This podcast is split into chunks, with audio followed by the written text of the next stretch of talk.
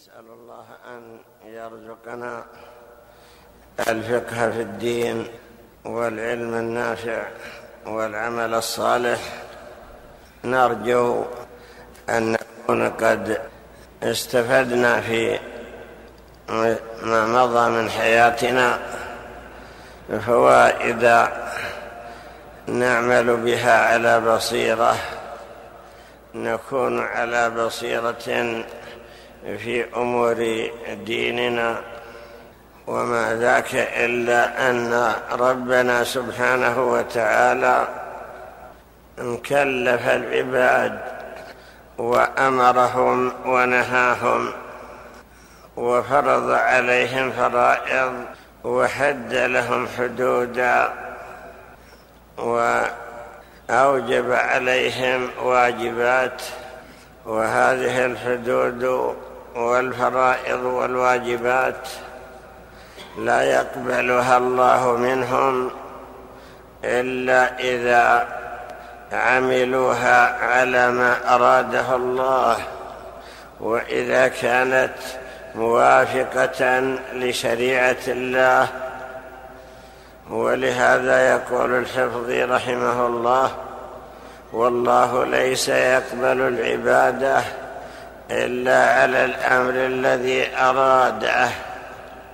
فكل من تعبد بعبادة ولكن لم تكن على ما فرضه الله ولا ما على ما أمر به ولا على ما أراده للعبد فإنها غير مقبولة بل مردودة. وذلك لأن العبادات والطاعات والقربات مبنية على الشرع على ما بينه الله تعالى في القرآن وعلى ما بينه النبي صلى الله عليه وسلم في السنة النبوية. ولهذا قال العلماء إن الأصل في العبادات والقربات المنع منها كلها إلا بدليل فكل من تقرب بقربه أو أتى بعبادة سئل عن دليله في شرعيتها إلا إذا كان لها أصل في الشرع. فإن الله تعالى يقبلها إذا كان لها أصل من الشرع. اشترط العلماء لقبول كل عبادة شرطين. الأول الإخلاص والثاني المتابعة. أن تكون خالصة لوجه الله وأن تكون صوابا على السنة. أخذ ذلك الإمام الصنعاني في بائيته حيث يقول فللعمل الإخلاص شرط إذا أتى وقد وافقته سنة وكتاب؟ للعمل أي لقبول العمل الإخلاص شرط؟ والثاني وقد وافقته سنة وكتاب أي قد وافق الشرع وافق السنة. ويؤخذ ذلك من قول النبي صلى الله عليه وسلم من عمل عملا ليس عليه أمرنا فهو رد. وهذا عام بما إذا تقرب بقربه أو أتى بعمل وذلك العمل الذي يتقرب به ليس عليه دليل من الكتاب ولا من السنة فيرد عليه عمله حتى يكون موافقا لسنة النبي صلى الله عليه وسلم. وقال الفضيل ابن عياض رحمه الله في تفسير قول الله تعالى ليبلوكم أيكم أحسن عملا قال أخلصه وأصوبه قيل فسره لنا يا أبا علي فقال إن العمل إذا كان خالصا ولم يكن صوابا لم يقبل وإذا كان صوابا ولم يكن خالصا لم يقبل حتى يكون خالصا صوابا. والخالص ما كان لله والصواب ما كان على السنة. والإخلاص أن يسلم العمل من الرياء والسمعة ومن إرادة المصالح الدنيوية.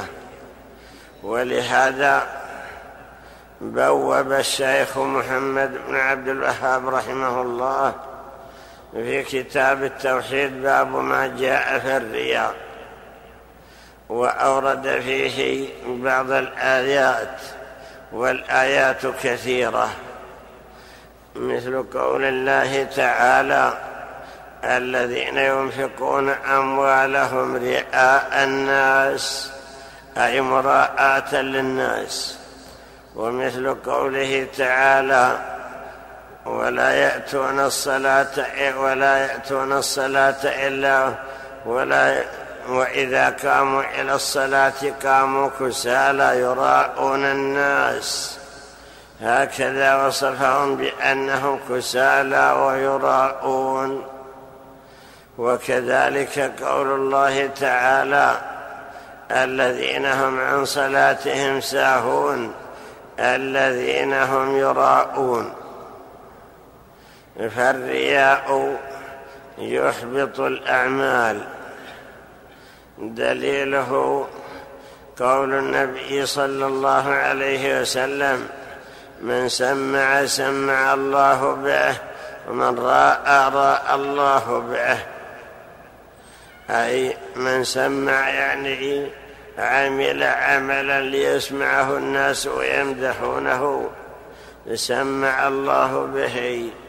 ومن راى بأعماله الظاهرة راى الله به.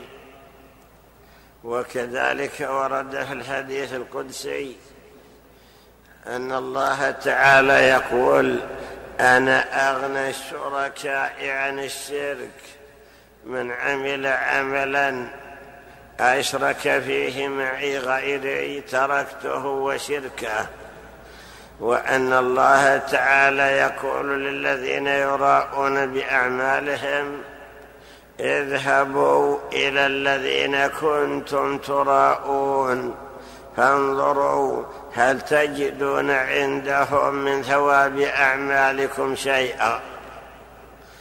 الذين تراءونهم المرائي يصلي لأن يراه الناس ويمدحونه. يتصدق لأن يروه فيمدحونه ويثنون عليه. أو يقرأ ويرفع صوته ويحسن صوته حتى يثنى عليه ويمدح. ويقال فلان القارئ وفلان المصيب في قراءته وما أشبه ذلك. وهكذا يقال في بقية الأعمال مسموعة أو مرئية فإن من سمع بقراءته أو بذكره أو بدعائه سمع الله به يعني فضحه ونشر له سمعة سيئة ومن راى بصلاته وبصدقته وبحجه وبجهاده وما أشبه ذلك رأى الله به يعني فضحه وكشف ستر عمله الذي ما أراد به وجه الله.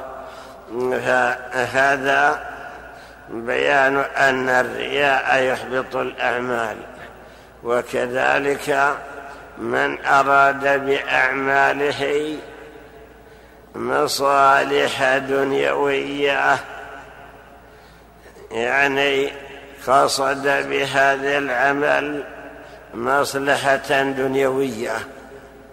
مثلا قصد بجهاده المغنم أن يجاهد لأجل المغنم أو يجاهد لأجل الرزق الذي يدفع له فعمله دنيوي أخبر النبي صلى الله عليه وسلم بأن من قاتل لتكون كلمة الله هي العليا فهو في سبيل الله. وأما إذا قاتل للمغنم أو قاتل ليرى مكانه أو قاتل حمية أو عصبية فإن جهاده لما جاهد له. وهكذا من هاجر من بلد إلى بلد كانت هجرته لدنيا يصيبها ومكاسب يحصل عليها أو امرأة ينكحها. فهجرته إلى ما هاجر إليه أي إلى ذلك الشيء الذي هاجر إليه ليس له أجر. ومن هذا نعرف أن العمل لا بد أن يكون خالصا ليس فيه رياء ولا إرادة للمصالح الدنيوية. ولهذا ثبت أن النبي صلى الله عليه وسلم أبطل عمل المجاهد الذي يجاهد ليقال ليقال جريء والذي ينفق ليقال جواد والذي يقرأ ليقال قارئ وجعل هؤلاء من أهل العذاب. وكذلك توعد من من يتعبد لأجل المصالح الدنيوية بقوله تعس عبد الدينار تعس عبد الدرهم تعس عبد الخميصة تعس عبد الخميلة. يعني عبدها لأنه يحب لها ويبغض. ويوالي لها ويعادي ويعطي لها ويمنع. وأما الشرط الثاني الذي هو المتابعة فهو الذي نتعلم لأجله نتعلم حتى تكون أعمالنا صوابا. وذلك لأن الذين يعملون إما أن يكون أن يعملوا على جهل وإما أن يعملوا يعلمون ولكن يتركون العمل وإما أن يعملوا على برهان. فالذين تعلموا وعرفوا وتفقهوا ولكنهم لم ينتفعوا ولم يعملوا بما تعلموه.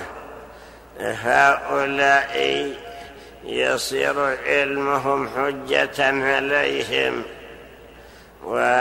ويستحقون العذاب على ما تحملوه وعلى ما عملوه حيث علموا ولم يعملوا. ورد في بعض الآثار أن الذين يعلمون ويخالفون يعذبون من قبل قبل أن يعذب الجاهلون والمشركون. فيقولون يا رب كيف نعذب قبل المشركين؟ فيقال ليس من يعلم كمن لا يعلم. أي أنتم تعلمتم ولكنكم خالفتم. وأخذ ذلك بعض أهل العقائد فقال وعالم بعلمه لم يعملا معذب من قبل عابد الوثن. وفي ذلك أيضا يقول بعضهم فإن كنت لا تدري فتلك مصيبة وإن كنت تدري فالمصيبة أعظم. فالمصيبة أعظم يعني إذا كنت تدري وتعلم ولكنك لا تعمل أو تدري وتعلم ولكنك تخالف. فالعقوبة أعظم. ولهذا ينكر بعض العلماء على بعض الذين يقولون ولكنهم يخالفون. فيقول ألسنة تصف وقلوب تعرف وأعمال تخالف. تصف ألسنتهم الحقائق. يصفون العلوم ويصفون الأعمال ويعرفون بقلوبهم يعرفون الحق يعرفون الأدلة يعرفون الوعيد. يعرفون حقيقة الأعمال ولكن مع ذلك لا يعملون يخالفون ما يقولونه فيدعون إلى الخير ولا يفعلونه أو يعرفونه ولا يعملون به وإذا كانوا يعلمون الناس. ومع ذلك لا يطبقون ما يعلمونه. صار الناس ينتفعون بعلومهم وهم لم ينتفعوا بتلك العلوم. فيكون ذنبهم أكبر. ولهذا يقول بعضهم مواعظ الواعظ لن تقبل حتى يعيها قلبه أولا. يا قوم من أظلم من واعظ خالف ما قد قاله في الملا. أظهر بين الناس إحسانه وخالف الرحمن لما خلا. فالذي تعلم وتفقه وعرف الحق ولكنه لم يطبق. يعلم الناس ولا يعمل. مثله كمثل السراج يضيء للناس ويحرق نفسه. فنعرف هذا القسم الذين علموا ولا وعلموا ولكنهم لم يطبقوا ولم يعملوا بما عرفوه أنهم أشد إثما من الجهلة أو من العصاة العتاة الذين عصوا على جهل. لا شك أن الذين عصوا الله تعالى على جهل يعذبون لأنهم أعرضوا عن العلم. كان الواجب عليهم أن يتعلموا حتى ينوروا بصائرهم وحتى يعرفوا الأحكام والوعد والوعيد ولكنهم أعرضوا عن التعلم وأعرضوا عن الاهتمام بالشرع وانشغلوا بشهواتهم وبلهوهم وبدنياهم. انشغلوا بذلك فأصبحوا مستحقين للعذاب بهذا الإعراض. ذكر الشيخ محمد بن عبد الوهاب رحمه الله من نواقض الإسلام الإعراض عن الدين. لا, لا يتعلمه ولا يعمل به ولا يعلمه ولا يهتم به. يعرف بأنه مكلف وبأن عليه حق لله. يعرف أنه مسلم وأن للإسلام أركان وأن له واجبات وأن في الإسلام حلال وحرام وأن الله وعد أهل الحلال وأهل الأداء للواجبات بالثواب وأنه توعد العصاة بالعقاب ومع ذلك أعرض عن السؤال وبقي على وصف الجهال بقي على الجهل.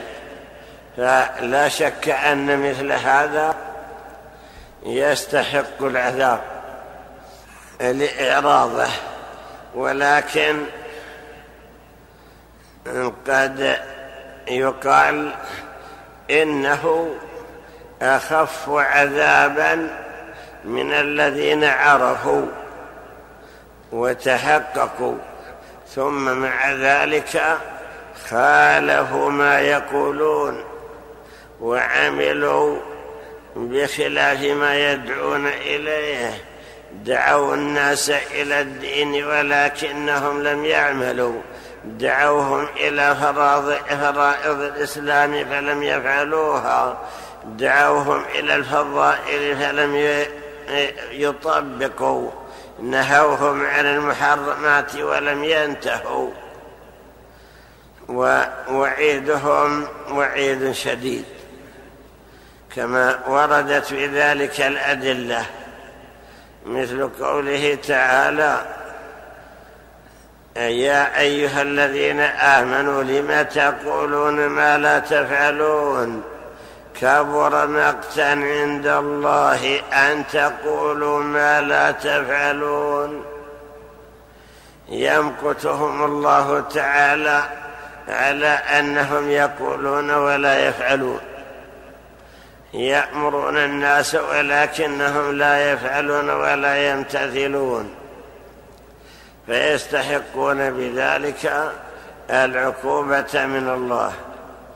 كذلك ورد الحديث المشهور في الصحيح عن أسامة أن النبي صلى الله عليه وسلم قال يجاء بالرجل فيلقى في جهنم فتندلق أقتاب بطنه فيدور بها كما يدور الحمار برحاه فيجتمع إليه أهل النار فيقولون يا فلان ما لك؟ ألست كنت تأمرنا بالمعروف وتنهانا عن المنكر؟ فيقول كنت آمر بالمعروف ولا آتيه. وأنهى عن المنكر وآتيه. هذا وعيد شديد. أنه يعذب أشد عذابا من الذين كانوا يسمعون كلامه ولكنهم لم يقبلوا. فعرفنا بذلك أن العمل هو الثمرة المطلوبة من هذا العلم. فنحن نتعلم. يتعلم الإنسان من حين يعرف ويفهم. من أن كان عمره خمس سنين أو نحوها وهو يتعلم ويتزود من العلم ولكن ينظر في نتيجة هذا العلم. نتيجته هي التطبيق والعمل. إنها هي الثمرة المطلوبة. ولذلك يقولون ثمرة العلم العمل. ويقول بعضهم العلم يهتف بالعمل فإن أجابه وإلا ارتحل. فإذا تعلمت واستفدت ثم عملت بذلك وطبقت ما تعلمته فأنت من الذين انتفعوا. بعملهم انتفعوا بعلمهم وبعملهم.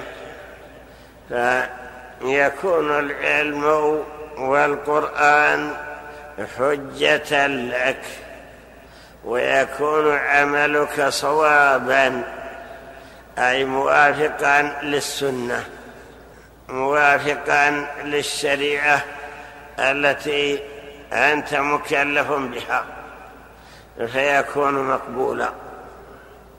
وأما من يتعلم ولا يعمل أو يعرض عن التعلم وعن العمل أو يتخبط في العمل ويعمل على جهل فكلهم هالكون. فيكون عندنا أربعة أقسام. العالم المطبق الذي تعلم وعرف وطبق وعمل فهذا على سبيل النجاة. والثاني العالم المتفقه الذي لم يطبق. ولم يعمل بل تعلم ولكنه ترك العمل وأعرض عنه. فهذا هالك. والثالث الذي أصر على الجهل وترك العلم وترك العمل فهذا أيضا هالك. والرابع الذي عمل ولكن بدون علم تخبط في العمل وأخذ يعمل ولكنه ليس على نور ولا على برهان فعمله مردود. فنعرف بذلك أن ثمرة العلم العمل. نرجو أن نكون بتعلمنا في هذا المكان وفي غيره.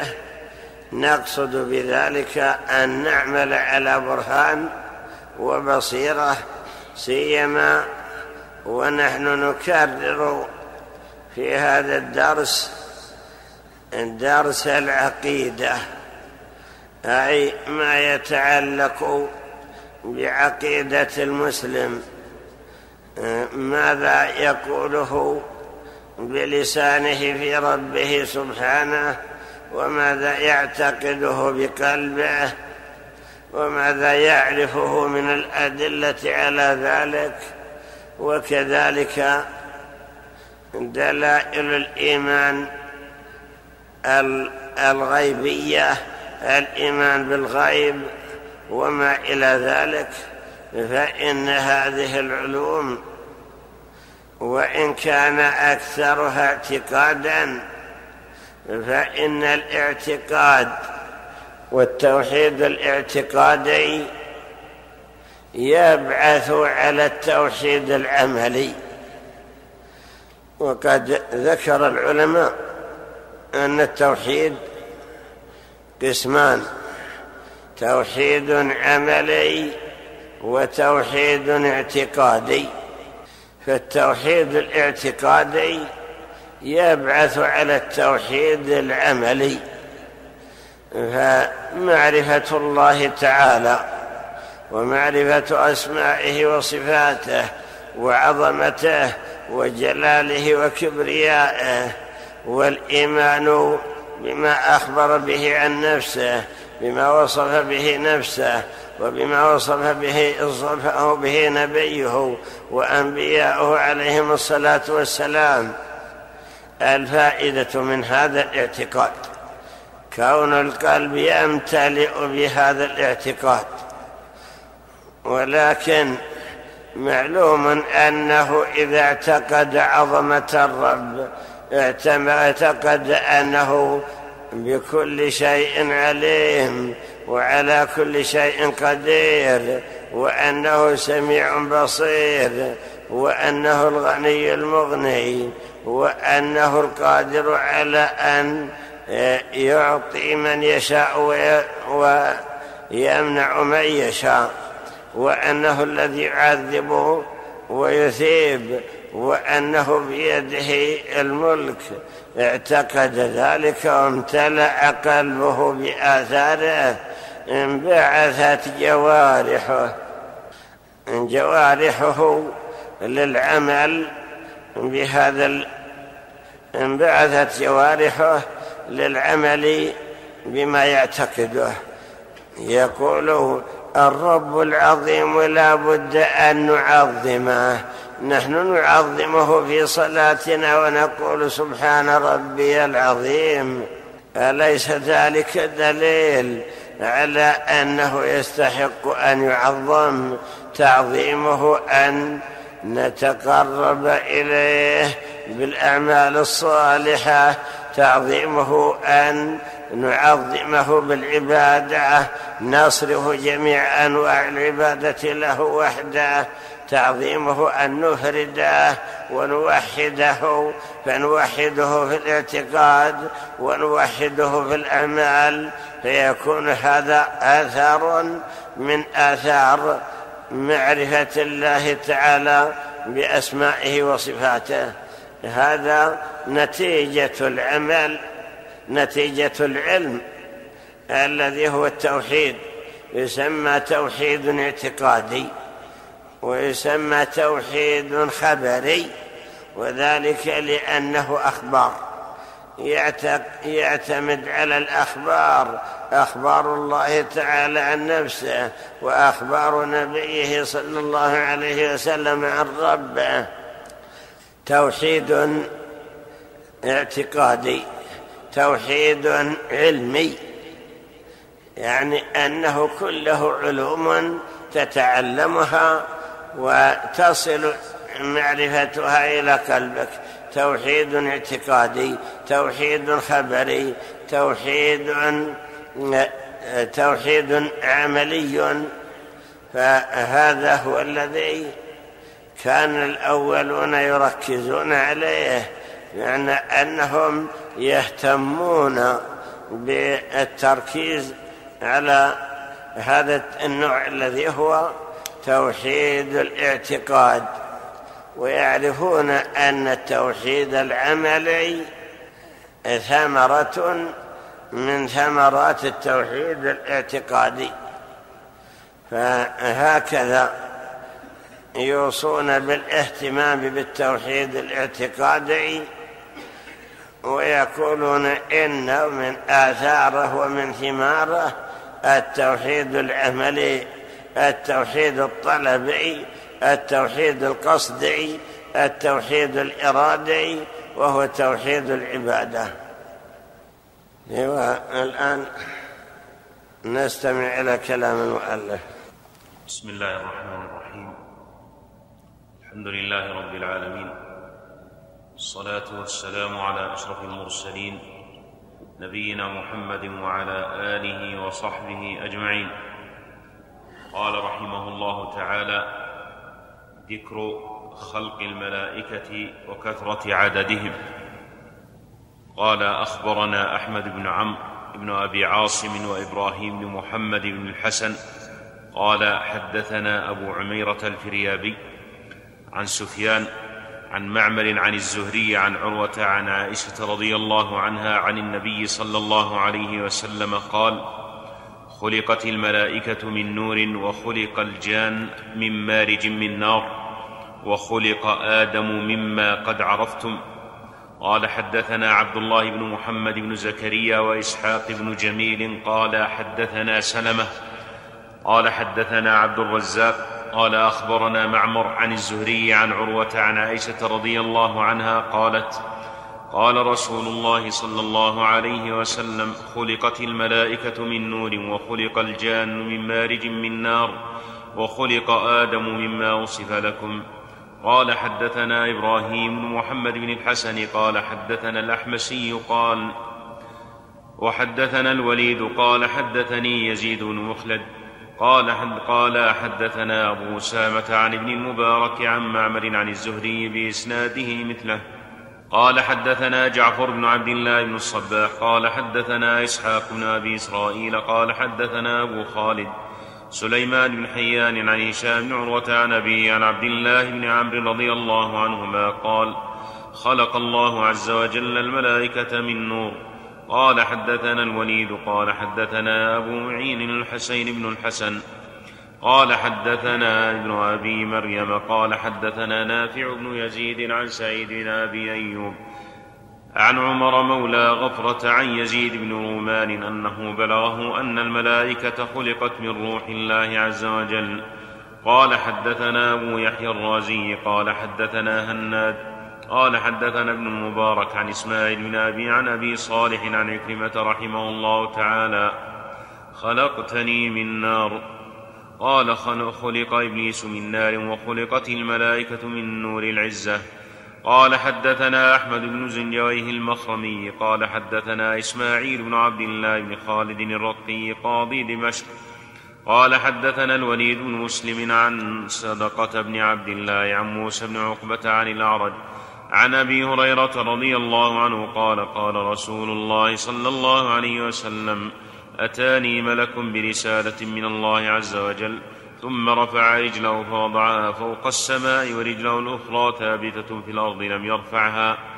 قال حدثنا الوليد قال حدثنا سهل بن الفرخان قال حدثنا محمد بن أبي السري قال حدثنا عمرو بن أبي سلمة عن صدقة عن موسى بن عقبة عن محمد بن المنكدر عن جابر رضي الله عنه قال قال رسول الله صلى الله عليه وسلم إن لله عز وجل ملائكة ما بين شحمة أذن أحدهم إلى ترقوته مسيرة سبعمائة عام للطير السريع الطيران. قال أخبرنا أبو يعلى الموصلي قال حدثنا جدي إبراهيم النيلي قال وحدثنا إسحاق بن أحمد قال حدثنا أبو زرعة. قال حدثنا إبراهيم النيلي قال حدثنا عامر بن يساف عن يحيى بن أبي كثير رحمه الله تعالى قال خلق الله عز وجل الملائكة صمدا ليس لهم أجواف. قال حدثنا إسحاق بن أحمد قال حدثنا أحمد بن حماد الرازي قال حدثنا أبو سامة عن هشام بن عروة. عن أبيه عن عبد الله بن عمرو رضي الله عنهما قال خلق الله عز وجل الملائكة من نور الصدر والذراعين.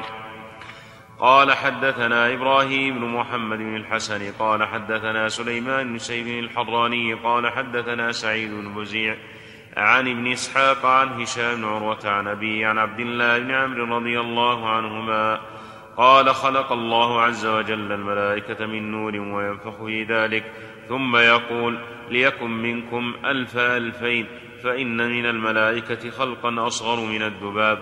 قال حدثنا إبراهيم بن محمد بن الحسن قال حدثنا أبو عبيد الله المخزومي قال حدثنا مروان بن معاوية الفزاري عن زياد بن المنذر عن عطية عن أبي سعيد رضي الله عنه أن رسول الله صلى الله عليه وسلم قال إن في الجنة لنهرا ما يدخل جبريل عليه السلام من دخلة فيخرج فينتفض إلا خلق الله عز وجل من كل قطرة تقطر منه ملكا.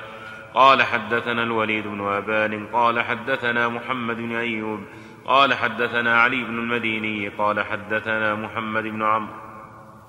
محمد بن عمرو بن مقسم الصنعاني قال حدثني ابن أبي من أبي السوم قال سمعت وهب بن منبه رحمه الله تعالى يقول إن لله تبارك وتعالى نهرا في الهواء سعة الأرض كلها سبع مرات, سبع مرات ينزل على ذلك النهر ملك من السماء فيملأه ويسد ما بين أطرافه ثم يغتسل منه فإذا خرج قطرت منه قطرات من نور فيخلق من كل قطرة منها ملك يسبح الله عز وجل بجميع تسبيح الخلائق كلهم.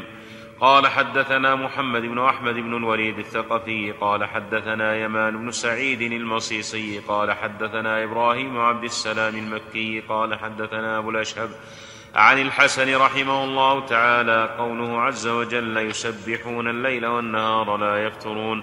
قال جعلت أنفاسهم جعلت أنفاسهم لهم تسبيحا.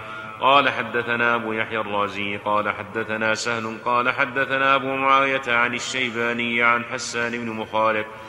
عن عبد الله بن الحارث قال قلت لكعب رحمه الله تعالى أرأيت قول الله تعالى يسبحون الليل والنهار لا يفترون أما يشغلهم رسالة أما يشغلهم حاجة قال هم قال من قال من هذا قالوا غلام بني عبد المطلب قال فأخذني فضمني إليه ثم قال يا ابن أخي جعل له جعل لهم التسبيح كما جعل لكم النفس. ألست تأكل وتشرب وتقوم وتجلس وتجيء وتذهب وتكلم وأنت تتنفس؟ فكذلك جعل لهم التسبيح. قال حدثنا جعفر بن أحمد قال حدثنا ابن أبي زياد قال حدثنا محمد بن خنيس عن, عن وهيب بن الورد رحمه الله تعالى قال سمعته وذكر الملائكة فقال يسبحون الليل والنهار لا يفترون. هم من خشية ربهم مشفقون. قال لقد بلغني أن من دعائهم وقد وصفهم بما وصفهم أنهم يقولون. ربنا ما لم تبلغه قلوبنا من خشيتك فاغفره لنا يوم نقمتك من أعدائك. قال حدثنا جعفر بن أحمد قال حدثنا سلمة قال حدثنا مسعدة بن شاهين قال حدثنا حكيم عبد الله قال سمعت الضحاك يقول إن لله تبارك وتعالى ملكا إذا جهر بصوته صمتت الملائكة كلها تعظيما لذلك الملك. لا يذكرون إلا في أنفسهم لأنهم لا يفترون عن التسبيح. قلنا وما ذلك الملك؟ قال ملك له ستون وثلاثمائة رأس. في كل رأس ستون وثلاثمائة لسان لكل لسان ستون وثلاثمائة لغة. ورد في أصول الإيمان الإيمان بالملائكة. في قول النبي صلى الله عليه وسلم الإيمان أن تؤمن بالله وملائكته وكتبه ورسله واليوم الآخر. وبالقدر خيره وشره. وذلك لأن الإيمان يستدعي الإيمان والتصديق بالمغيبات. أي بكل ما أخبر الله تعالى به من الأمور الغيبية. فنحن نؤمن بالله والإيمان بالله من الإيمان بالغيب. لأن ما رأينا ذاته تعالى وإنما رأينا آياته الدالة عليه ونؤمن بالملائكة وإن لم نطلع على خلقهم ولم نر أعيانهم ونؤمن بمن يشبههم نؤمن بأن الله خلق الجن وان كنا لا نراهم وانه خلق الشياطين ونحن لا نراهم وأن الشيطان يدخل في جسد ابن آدم يجري من ابن آدم مجرى الدم ويصل إلى قلبه ويوسوس له. كما قال تعالى من شر الوسواس الخناس الذي يوسوس في صدور الناس وكذلك أيضا أخبر بأن الملائكة خلق من خلق الله تعالى خلقهم لعبادته وأنهم مطيعون لربهم دائما لا يخرجون عن طاعته ولا عن عبادته. كما قال الله تعالى فالذين عند ربك يسبحون له بالليل والنهار وهم لا يسأمون. فإن استكبروا فالذين عند ربك يعني الملائكة يسبحون له بالليل والنهار.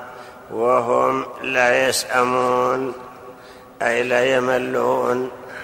وكذلك أخبر في آية أخرى بأنهم لا يفترون يسبحون الليل والنهار لا يفترون وأنهم لا يستحسرون. أي لا يملون من العبادة ولا يملون من الذكر. وأخبر في هذه الآثار أن التسبيح لهم مثل النفس لنا. الإنسان لا يستغني عن النفس.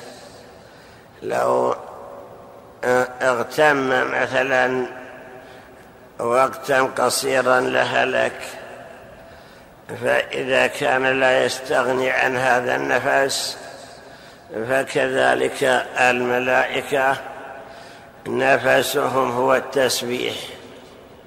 ورد ذلك أيضا في أهل الجنة.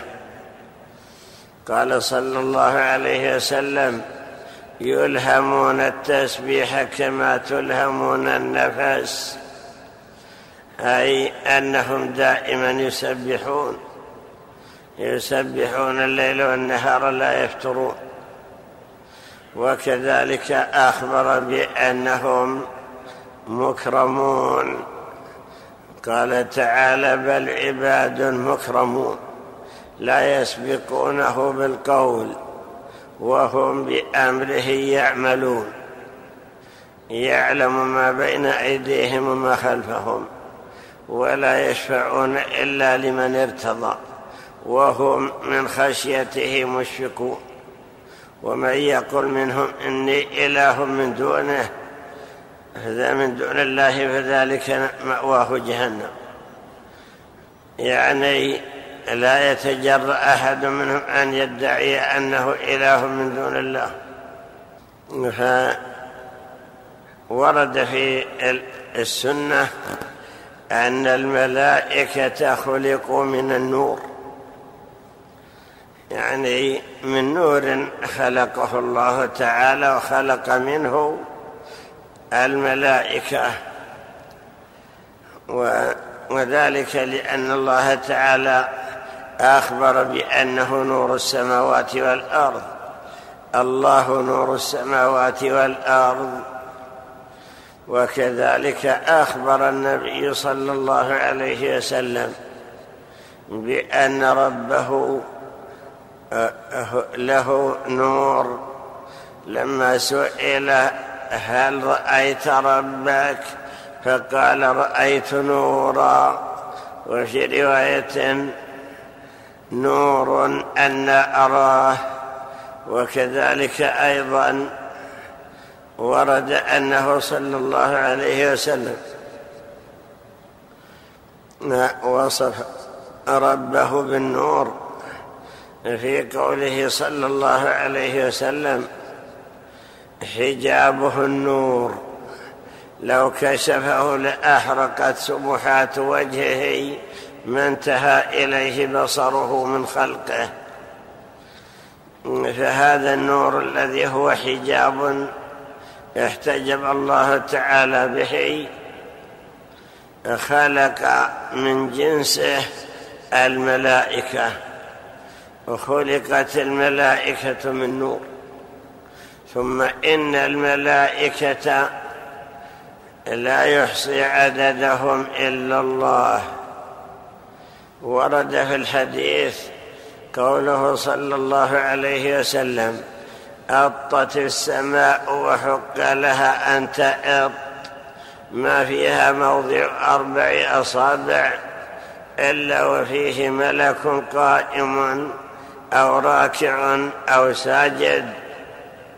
مع سعة السماوات ومع اتساعها وارتفاعها وعددها فهي ممتلئة بالملائكة الذين يسبحون الله تعالى ويركعون له ويسجدون له وذلك لأن الله خلقهم لعبادته.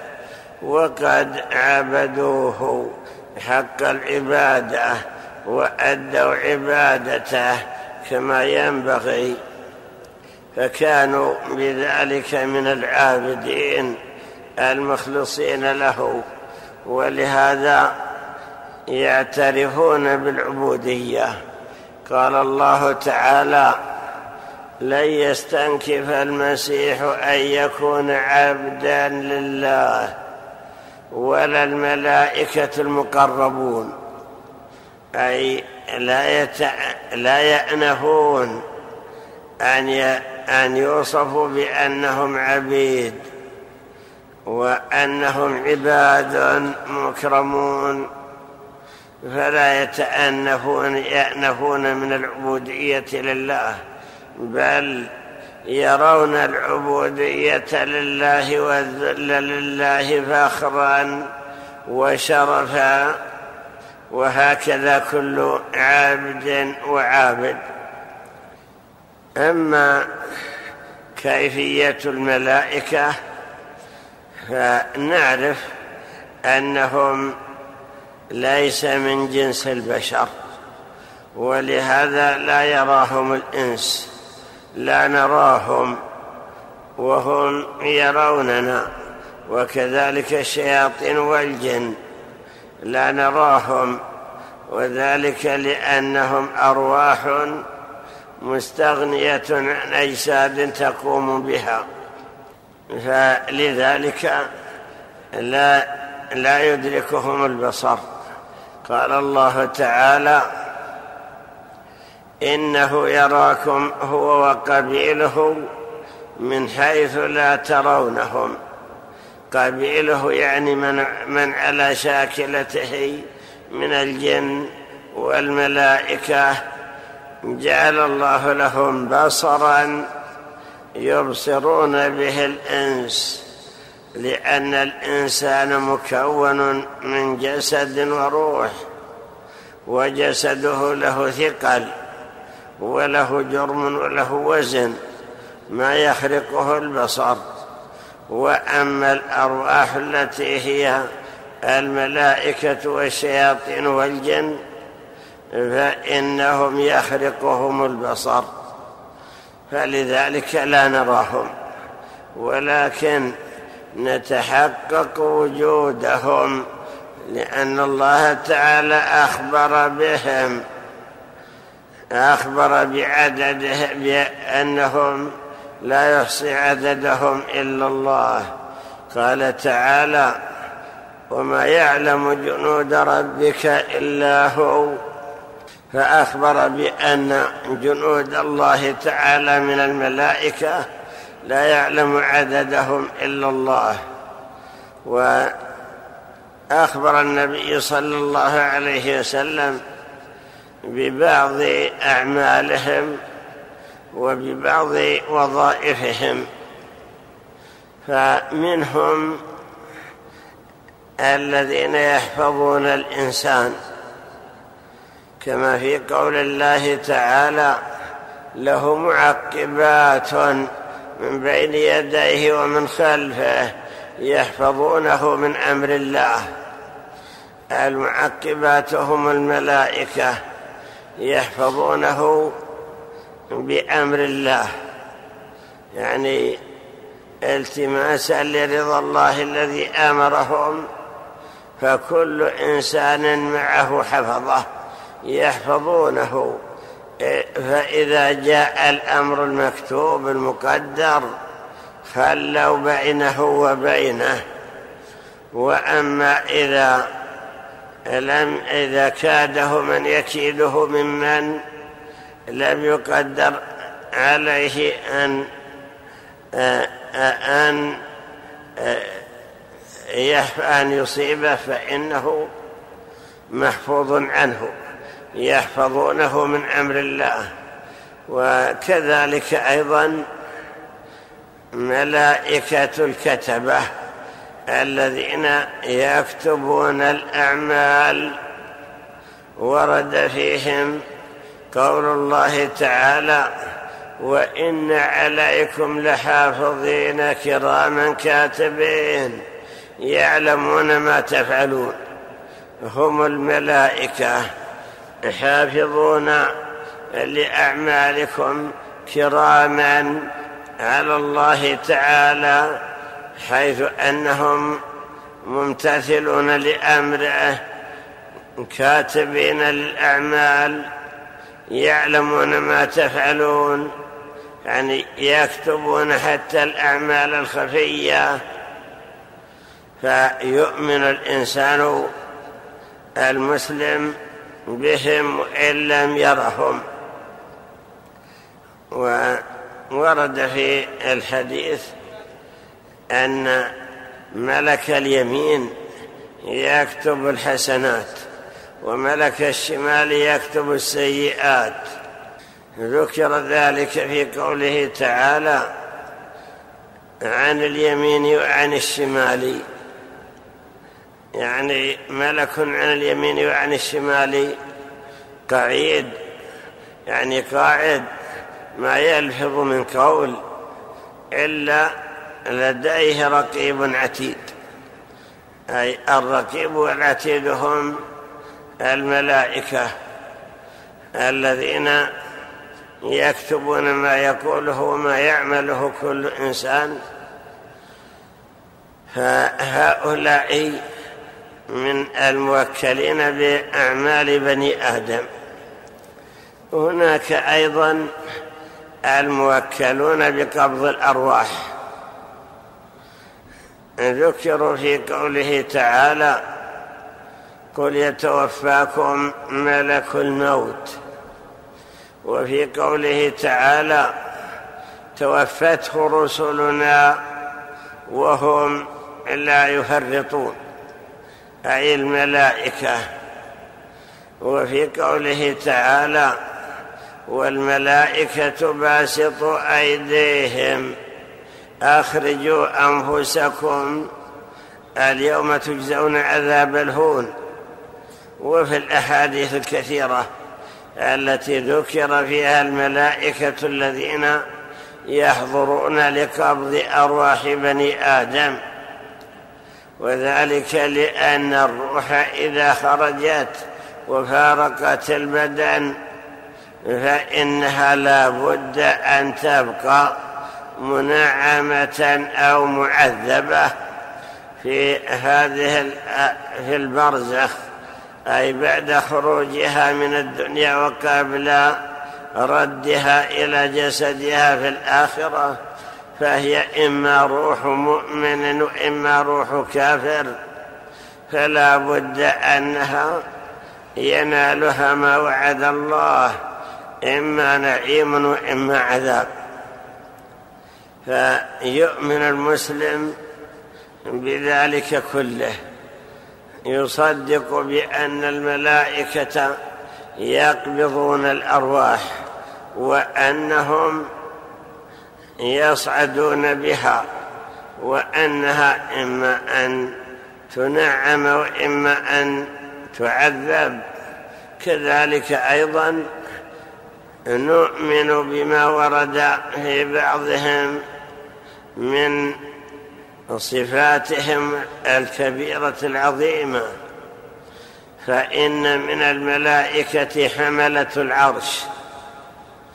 قال الله تعالى الذين يحملون العرش ومن حوله يسبحون بحمد ربهم.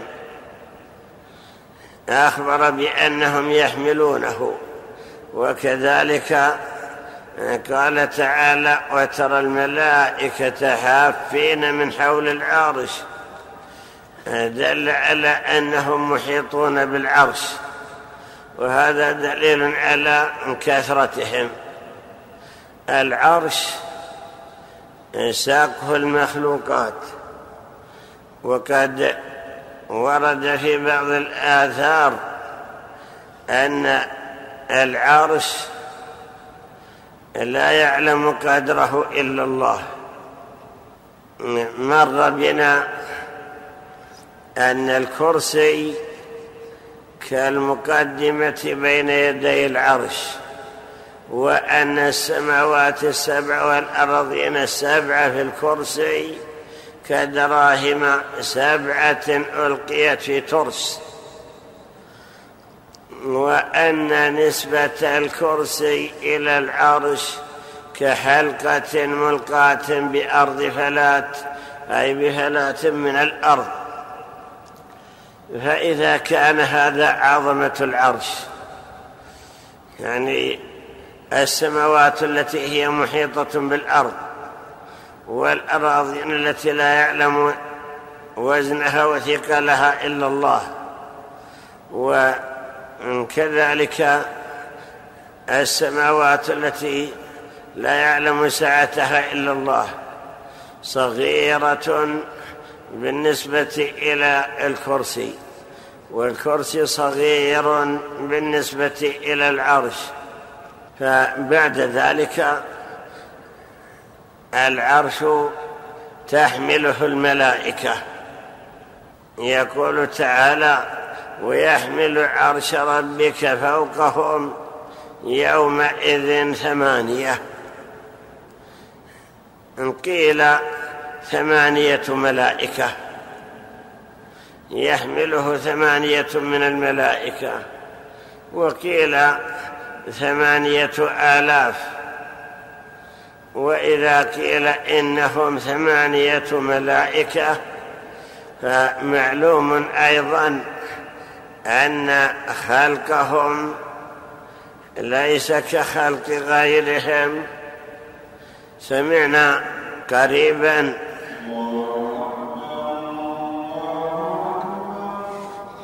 والله أعلم.